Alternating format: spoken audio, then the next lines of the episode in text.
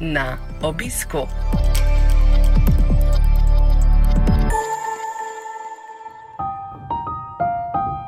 Z veseljem vam predstavljamo novo serijo podkastov na obisku. V dolgem vročem poletju vas bomo vsak petek opoldne povabili k poslušanju pogovora z nekaterimi zanimivimi strokovnjaki in člani Slovenskega združenja bolnikov z limfomom in leukemijo. Vabljeni k poslušanju.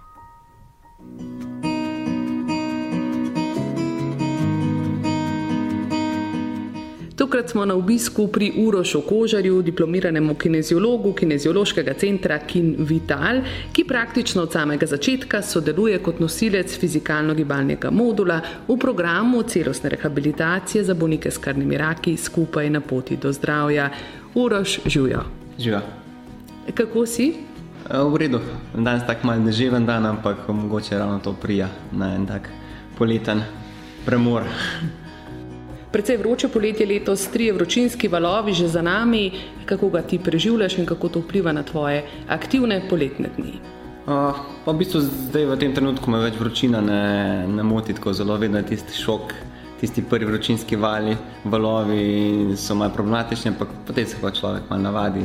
Uh, konec koncev tudi v našem centru, kjer delamo, smo večino dneva pod nekimi klimami, tako da mogoče včasih niti ne ne opaziš, da je zunaj tako vroče, ker si več čas v notranjih prostorih. Tako uh, da vse aktivnosti, ki imamo pa zunaj, pa tako, tako počnemo v zgodnjem času dneva, pa, pa popoldne oziroma zvečer. Zdaj, poleg tega rehabilitacijskega programa, ki ga vodi ta, ta fizikalno-gibalni modul z tvojo kolegico, gospod fizioterapeutko Majo Grinec, pri vas v Kinvitalu skrbite tudi za splošno populacijo, druge kronične bolnike.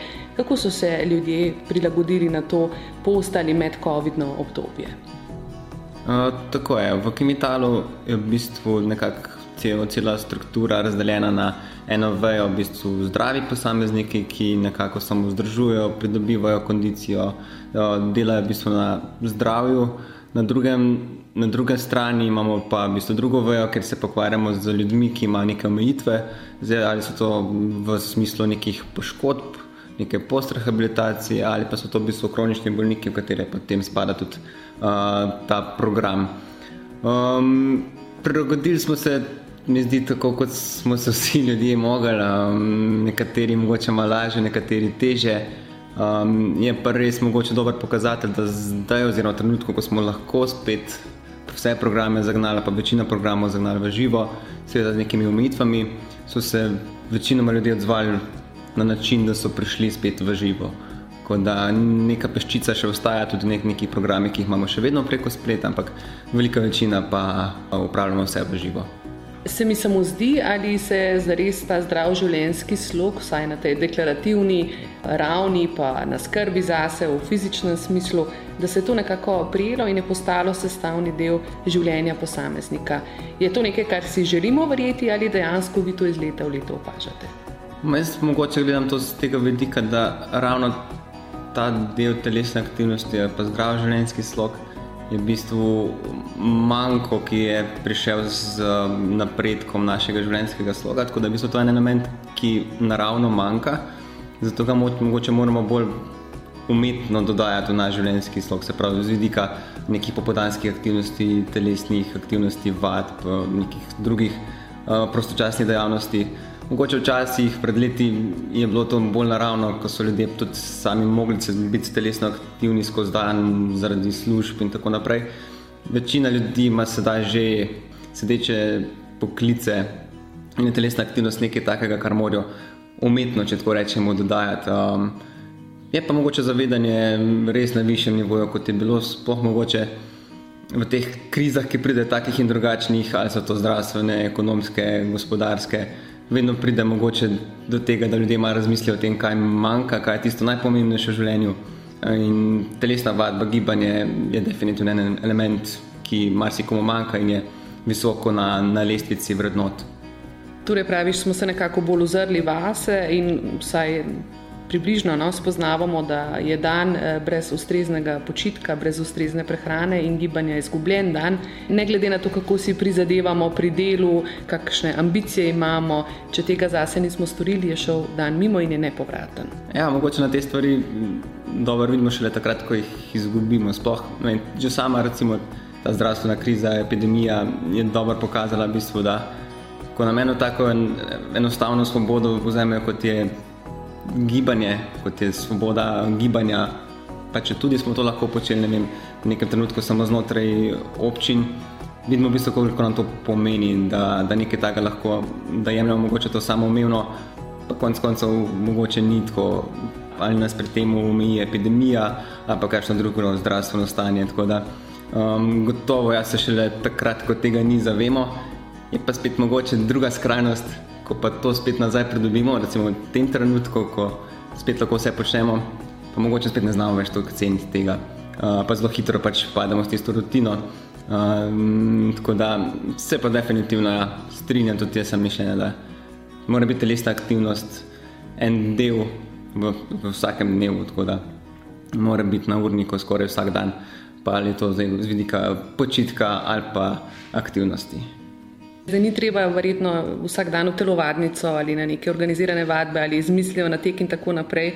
Že tisto, ne, da greš, uporabiš stopnice, da greš peš do trgovine, že take male stvari, verjetno uh, sodijo k zdravemu življenjskemu slogu. Tukaj se verjetno začne. Uh, ja, v bistvu večina ljudi mogoče začne na tistih bolj intenzivnih stvarih, kot so neke organizirane vadbe, uh, aktivnosti, ki spadajo mogoče bolj visoko intenzivne. V resnici so pa te nizke do srednje intenzivne aktivnosti, kot si že omenila, vse aktivnosti, ki jih delamo tekom dneva, ali je to zdaj v službi, ali je kot nek transport na delovno mesto, ali so to gospodinska upravila, prostočasne dejavnosti. Je bi to aktivnost, ki največ šteje, konec koncev, z vidika regulacije telesne teže, konec koncev potem tudi za zdravje v bistvu ta organizirana telesna aktivnost ali vadba, ko rečemo, ki ima nek cilj, recimo cilj ne, pridobivanja mišične mase ali ne, izboljšanja gibljivosti, vzdržljivosti, to pa je samo en delček, en res mali kamenček v mozaiku, ki lahko se stavi oziroma nas pripelje do nekih ciljev, rezultatov, ki smo si jih zadali. Za tisto osnovno zdravje, za vzdrževanje zdrave telesne kondicije, konc koncev do teže, so pa v bistvu vse minute v dnevu enako pomembne, če ne še bolj. In za vzdrževanje telesne teže tudi pravijo, da vsaj toliko kot hrana je pomembno tudi gibanje, oziroma da bolj škodi pomankanje gibanja kot uh, morda nepravilna hrana. Poznaš to teorijo? Ja, zdaj, te teorije več mogoče sem jaz tukaj malo subjektiven, ker sem na strani vadbe, ampak um, eno brez drugega ne gre, gre sta hrana, gibanje z roko v roki konec koncev hrana, potem energija za gibanje. Če nečesa ni, tudi brez nečesa ni tudi drugega. Tako da um, morate biti usklajena. Recimo za neko osnovno vem, prehrano ni treba nekaj zelo delati astronomske znanosti. Mogoče, če pride do kakšnih zapletov, kjer je treba malo več, ampak kar je bolj pomembno za neko vzdrževanje telesne teže, nekdo, ki se nikoli ne gibe, lahko še vedno suh. Uh, če pa se nič ne gibaš, si pa težko, ne vem, dobro pripravljen, v dobri kondiciji, za tisto pa potrebuješ vadbo. Tako da vsekakor je za neko celosten vidik zdravja pomembno, da imamo poskrbljeno oba vidika, tako hrana kot gibanje. Uroš omenila sva diplomiran kineziolog, pa kineziološki center Kinvital. Zdaj predstavljam si, da marsikdo pravzaprav ne ve čisto natančno, kaj pomeni kineziološka vadba, kaj pomeni kineziolog, vendar le so to termini strokovni, ki smo jih spoznali in jih spoznavamo šele v zadnjih letih. Uh, ja, res je. V bistvu od leta 2009-2010, odkar ta študijski program poteka na fakulteti za šport, um, se je zgodil precejšen napredek zdaj v tem trenutku se mi zdi, da vsaj, so ljudje že, vsaj že slišali, da kinezolog sploh obstaja, kar je že nek napredek. Uh, Predtem manjka pa še tisto znanje, kaj lahko pri kinezologu mogoče dobiš, uh, v čem je kinezolog dober, oziroma katere so tiste storitve, ki jih uh, kinezolog zna upravljati. Tako da mogoče najlažje vedno to razložiti je, v bistvu kinezolog je strokovnjak za gibanje, uh, pomeni, da naša osnova je še vedno v bistvu vadba se pravi, da znamo dobro planirati treninge, planirati vadbe, izbrati pravilne vaje, konec koncev dozirati pravilno intenzivnost. Um, Ma pa kinezolog oziroma je opremljen še znani, ki jih mogoče kakšen poklic drug nima. To pa so, da recimo pozna tudi neke omejitve, ki jih imajo recimo kronični bolniki, ki jih imajo ljudje s poškodbami. Um, seveda pač vsak mora vedeti potem na kateri točki in z nekom začeti oziroma kdaj recimo z nekom delati, kdaj mogoče ga poslati še k nekom drugam, ampak ravno to znanje, ki je zelo kmat, tako da vemo, kdaj je neka stvar rešljiva z vadbo, kdaj pa mogoče boljše napotiti nekega človeka ali zdravniku, fizioterapeutu ali pa katerem drugemu specialistu. In tako lepo se potem dopolnjujete z gospodom Majo Grincem, zdaj že drugič eh, omenila, ker sta vendarle nosilca fizikalnega. Uh, pravzaprav gibalnega modula no, znotraj te celostne rehabilitacije bolnikov s krvnimi raki skupaj na poti do zdravja. Kakšno je to vajno sodelovanje z Majo Grinci in kako pravzaprav merite in opažate rezultate? Ja, z Majo v bistvu stvar redno v kontaktih, pač redno pomeni ne zdaj vsak dan, ampak se sliši od časa do časa. Je pa Maja tisto prvo sito fizioterapeutka, ki oceni, ko pridejo ljudje v program, ali so primerni za njeno skupino, ki je mogoče malce lažja, uh, ki je mogoče mal manj napredna, ampak zelo pomembno, da ljudje pridejo potem na boljše stanje. Uh, včasih pač, pač oceniš, če so recimo bolniki mlajši, bolj sposobni, da pa tako tisto stopničko prestopijo, preskočijo uh, in gredo mogoče v mojo skupino, kjer izbiramo mogoče malce teže vaje, ker je vadba malenkost bolj naporna, predvsem zaradi tega, da sploh lahko dosežemo neke učinke. Pri njeni skupini mogoče ni potrebno takšne obremenitve nekomu dati, da doseže napredek. Um, pri posameznikih, ki so po moji skupini, so pa že tako sposobni, da rabijo večje držaje, da recimo ne dosežemo nek napredek v moči, v mišični masi in tako naprej. Bi bilo recimo škoda, da bi zadržali se skupini, če so že uh, premeni. Uh, se pa zmajo, slišijo za kakšen nasvet, za kakšno idejo, mogoče za kakšen trening, sploh zdaj, ko z vadbo preko videa. Um, je teže biti ustvarjalen, je teže v bistvu neke nove stvari, sploh ker doma nimajo ljudje pripomočkov. Um, tako da je pa Maja tista, ki naredi na začetku meritve, na koncu in potem oceni v bistvu uh, napredek vsakega posameznika. Da malo pojasniva za tiste, ki tega programa morda ne poznajo od blizu, zakaj sta pomembna dva strokovnjaka ne, v gibalnem smislu.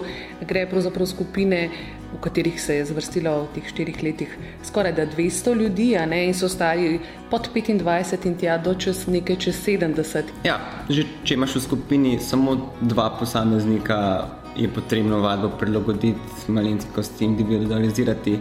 Um, so pa to ljudje, ki imajo s sabo prinesejo različne omejitve, različne težave.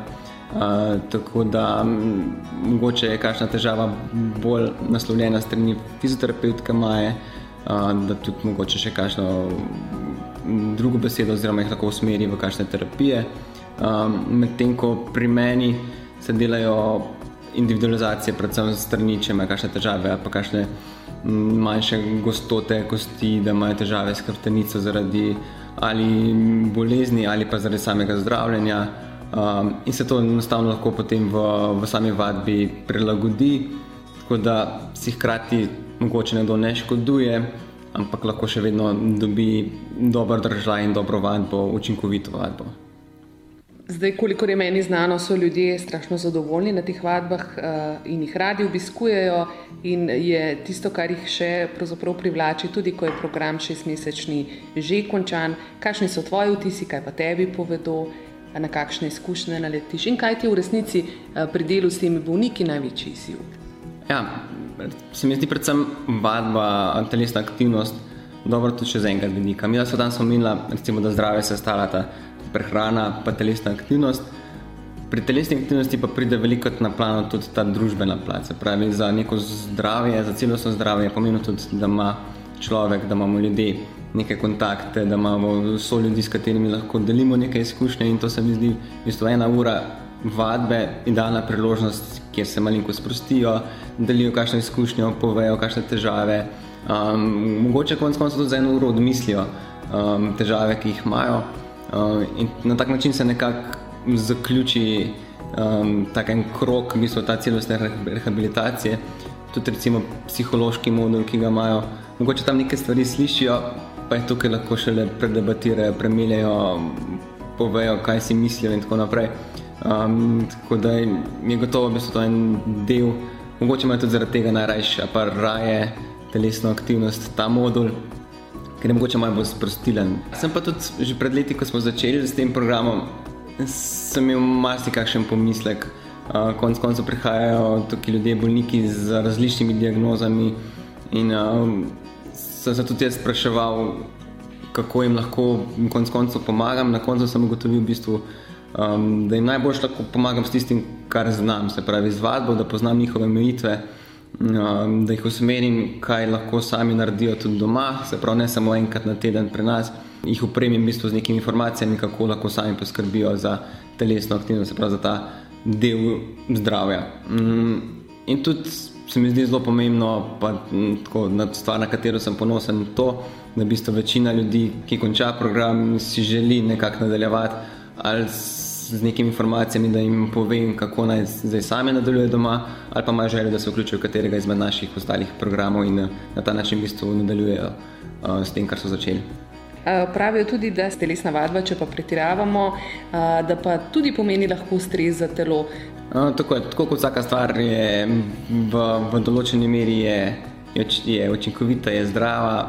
Vedno, ko se gre v ene ali pa druge skrajnosti, je vsaka stvar pač lahko tudi ne zdrava, oziroma neke posledice za sabo nosi.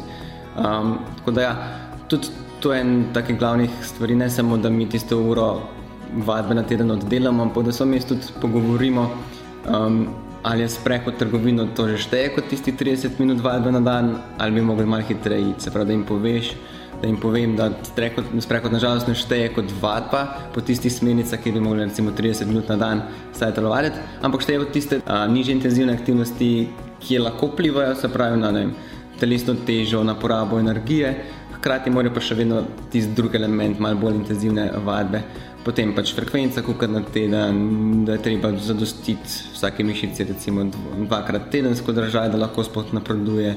In tako naprej, da, recimo, da se zavejo, kje je tista meja, kar lahko, oziroma minimalne standarde, ki jih mora doseči, da lahko sploh pričakujejo neke, neke spremembe, pa seveda, da je to dolgotrajen proces, da ne gre v teh šest mesecih, ampak da se še to nadaljuje potem tudi naprej skozi leta. Zdaj, s to aktivnostjo nam strokovnjaki pojasnjujete vedno znova, kako pomembna je v sklopu zdravega življenjskega sloga za zdravje na splošno, potem pa so obdobje v življenju ali situacije, ko je seveda še pomembnejša. Um, ja, definitivno. Sploh v tistem nekem aktivnem življenjskem obdobju, recimo tam od 20 do 50, mogoče tudi dlje. Uh, je v bistvu obdobje, kjer mi gradimo neko osnovo, ki jo nesemo tudi, seveda, v starost naprej. Predvsem mogoče to pomembno za za tiste starejše bolnike. Um, na neki točki pač naše telesne sposobnosti začnejo padati, pač naravni proces. Um, ne pomeni pa to, da se vdamo v sodo, ampak se da z varno in zelo enostavno vadbo tudi na te procese vplivati, da se upočasnijo, mogoče celo uh, zaustavijo na neki točki, um, da lahko tudi v, bistvu v tistem tretjem življenjskem obdobju zelo kakovostno um, živijo. Tudi, tudi našem, recimo, Eh, programu so ljudje, ki so že starejši, pa še vedno, ne vem, imam za mislih enega gospoda, ki še vedno vem, hodijo etape slovenske planinske poti, pa po Jakobovi poti, še vedno zdaj dva dni skupaj spijo zunaj pod milim nebom. Um, tako da ni nobena stvar ne mogoča, seveda pa treba to nekaj tudi vložiti. Uh, ni, ni dovolj samo želja, ampak tudi seveda, da te poti sledimo. Povej, Uroš, koliko te zdaj uvirajo te televizijski prenosi iz Tokija, kako to vpliva na tvoj aktivni vsak dan, uh, si kaj prikrajšan, ker ne moč fizično, da nimo tekati po gorah, uh, telovaditi, hecam se malo, skratka, spremljaš olimpijske igre. Ja, seveda spremljam, nekako te to ostane, hočeš nočeš, te zanimajo te, pa dosežejo te informacije. In prej, sem zaradi takega tempa, tudi svojega načina življenja, malce teže lovim te prenose v živo, definitivno pa zjutraj zvečer pogledam vse rezultate in sem vesel vseh uspehov naših športnikov. Ker konec koncev vrhunski šport je zelo pomemben tudi za rekreativni šport, za navadne ljudi, za rekreativne športnike, ker nekako vlečejo ta voz. In če imamo mislimo, mi dobre vrhunske športnike, veliko rezultatov, dobrih rezultatov na svetovnih tekmovanjih, to samo spodbuja v bistvu rekreativne športnike, da se ukvarjajo s tem. In na splošno neko kolektivno dobro, kar okoli športa smo pa vedno vsi veseli, Tako, nihče razdeljen. Ne? Tako, Tako in ponosni. Ja, res je. Omenila sem tek po gorah, vem, da je to uh, tvoja strast, ne tek v gorah, da nam malo povej o tej svoji strasti. In seveda me zanima, kdo je vedno s tabo. Ja, v bistvu s trail tekom sem se nekako uh, s tem v bistvu, tekom v naravi začel ukvarjati na faksu. Prej sem bil v bistvu nogometaš in ko sem nekako zaradi um, študija prenehal z nogometom, sem našel neko strast v teku. Um, in to me še zdaj spremlja, v bistvu vsako leto. Bo ravno zdaj, zdaj sem čist svežimi vtisi, sem iz uh, Jahorine, iz Bosne in Hercegovine, sem tam bil na eni tekmi, po teh vseh olimpijskih planinah, tam, uh, kjer sem tudi zmagal. Ja, ampak ja, hvala. Ampak ja, v bistvu me tek spremlja um, skoraj vsakodnevno, bi rekel, ne 5 do 6 krat na teden. mm, Da tečem, to pomeni nekje od 80 do 100 km. Nekako predstavlja tako dobro sprostitev, čeprav večinoma tečem z našimi skupinami, ampak je tak en dober odklop od, uh, od vsega življenja, ki nas spremlja. Pravi, da si samo sam tam v družbi somišljenikov, počneš stvar, ki jo imaš rad in v, v okolju, ki ga, ki ga imaš rad. Um, ja, največkrat, kot se reče, me spremljajo pač naši kingital tekači. Če pa grem sam, uh, pa moja psička, uh, mačarska vižla, Ginger, um, pa seveda punca Polona. Um, takrat na malo nižjih hribih, ampak vseeno, če se le da, gremo tudi kam skupaj. Uh, Zelo, zelo veliko ljudi hodi v hribe. Uh, Zdaj pravijo tudi gorski reševalci, da imajo vedno več dela, ne vem ali je to povezano. Skratka, uh, hribi imajo tudi svoje zakonitosti, nekaj treba vedeti, treba je biti ustrezno pripravljen, tako fizično, kot verjetno z upremo. Ja, veliko krat se mogoče zdi, da smo trej tekači tisti pod narekovaji v navednicah norci, ki samo obujemo tekaške copate in se podamo v gore teč, pa v veliki večini ni tako. Uh, vsi, ki se s trail tekom ukvarjamo, se zelo dobro zavedamo nevarnosti, ki jih tako okolje prinaša. Uh, in tudi se zavedamo, da moramo imeti vedno s sabo neko obvezno opremo, ki je obvezna tudi recimo na tekmovanjih, ki jih obiskujem sam, od prve pomoči, da imaš za sabo dovolj eh, pijače, da imaš telefon, eh, jakne, da imaš tudi v bistvu oblačila, če se slučajno vreme poslabša. In veliko krat se tako na prvi tren zdi, da vidiš enega tekača, ki teče po hribih, ampak malo tistem ruzaško sabo, mogoče veliko več kot pa en, en dvodnevni pohodnik, ki ima poln nahrbnik, mogoče ne vem, katerih stvari noter. Uh, ampak ja, kot si že omenila, je tako hribolazenje, pohodništvo doživlja nek razcvet, vedno bolj. Je pa vedno tako, da več ljudi, ki se z neko stvarjo ukvarja, več je tudi možnost, da bodo se ukvarjali s tem ljudje, ki mogoče um, ne poznajo še teh zadev dovolj. Tako da je tudi naša naloga, tudi mi med tem, ko organiziramo um, tudi svojo tekmo, torej tekmo Julian Armstrong, veliko vložimo na to, da v bistvu izobražujemo ljudi, da ne samo na tekmah, ampak tudi ko hodijo v hribe, ko trenirajo, ko tečejo, pa ni treba iti na visoke hribe, tudi če niže, da imajo sabo to obvezno opremo, da poskrbijo za varnost, konec koncev, da obvestijo vsaj nekoga, kam grejo teč. Da se potem, če se karkoli zgodi, konec koncev je to tudi dejavnost, ker se lahko kaj zgodi, kakšen padec z vingležnja um, in da potem veš, koga obvestiti. Ki ljudje, ki jih to zanima in ki so verjetno ustrezno tudi fizično v kondiciji, ne, dobijo informacije, ki se vam pridružijo. Tako, mi s Kimitalom največ tečemo v bistvu po Ljubljani, v zavetju Rožnika, Tivolija in pa hkrati v Domžalah ob Kamniški bistrici. Um, vsak se nam lahko pridruži, najdete vse informacije na spletni strani kimital.si in pa imamo tudi v bistvu posebej stran za tekače, ki je pa tečem.si, kjer je pa spletna stran namenjena samo informacijam o teku, o stezicah, o opremi, poškodbah in tako naprej. Si z namenom si, ste si s polono zbrala prav v višlo, kot eh, ptičarko, kot zelo aktivno psičko, pa verjetno kakšen buldog morda ne bi bil za vajen dom.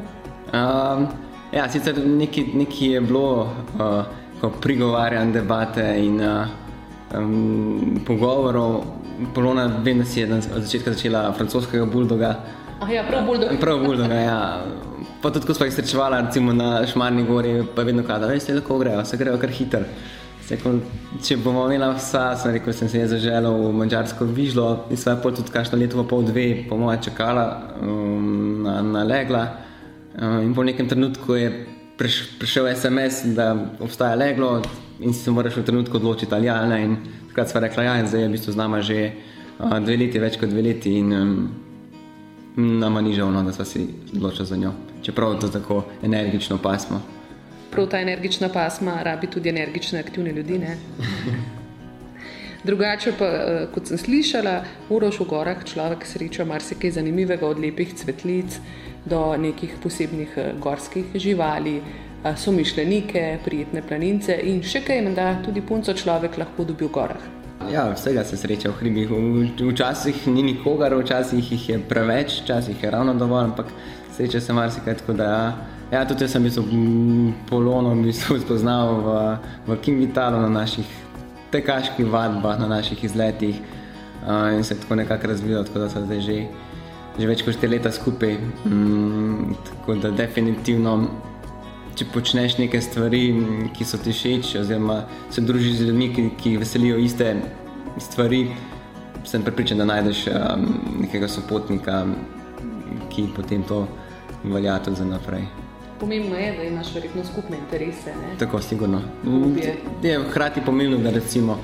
Sem vedno, še vedno mnenja, da je fajn, da ima vsak tudi neke svoje hobije, kjer lahko počneš, pa v bistvu sam sebe udejaniš. Od je pa zelo dobro, da imaš neke svoje interese, uh, skupne interese, in lahko seveda preživiš skupni čas in hkrati uživaš.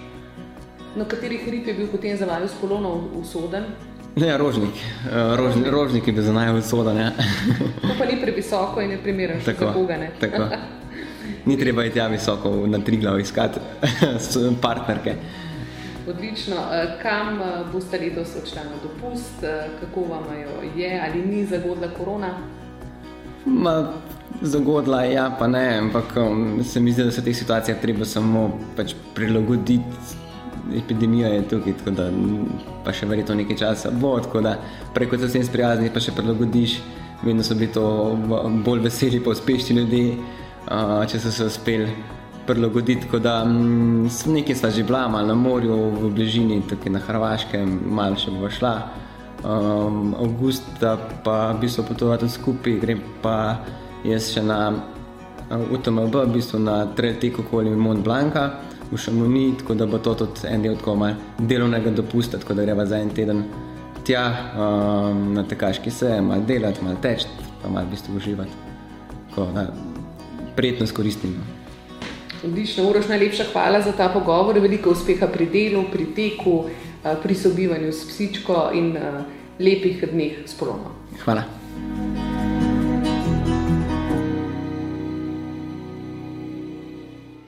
Slovensko združenje bolnikov z limfomom in leukemijo se na obisk povabi spet prihodnji petek ob 12. uri.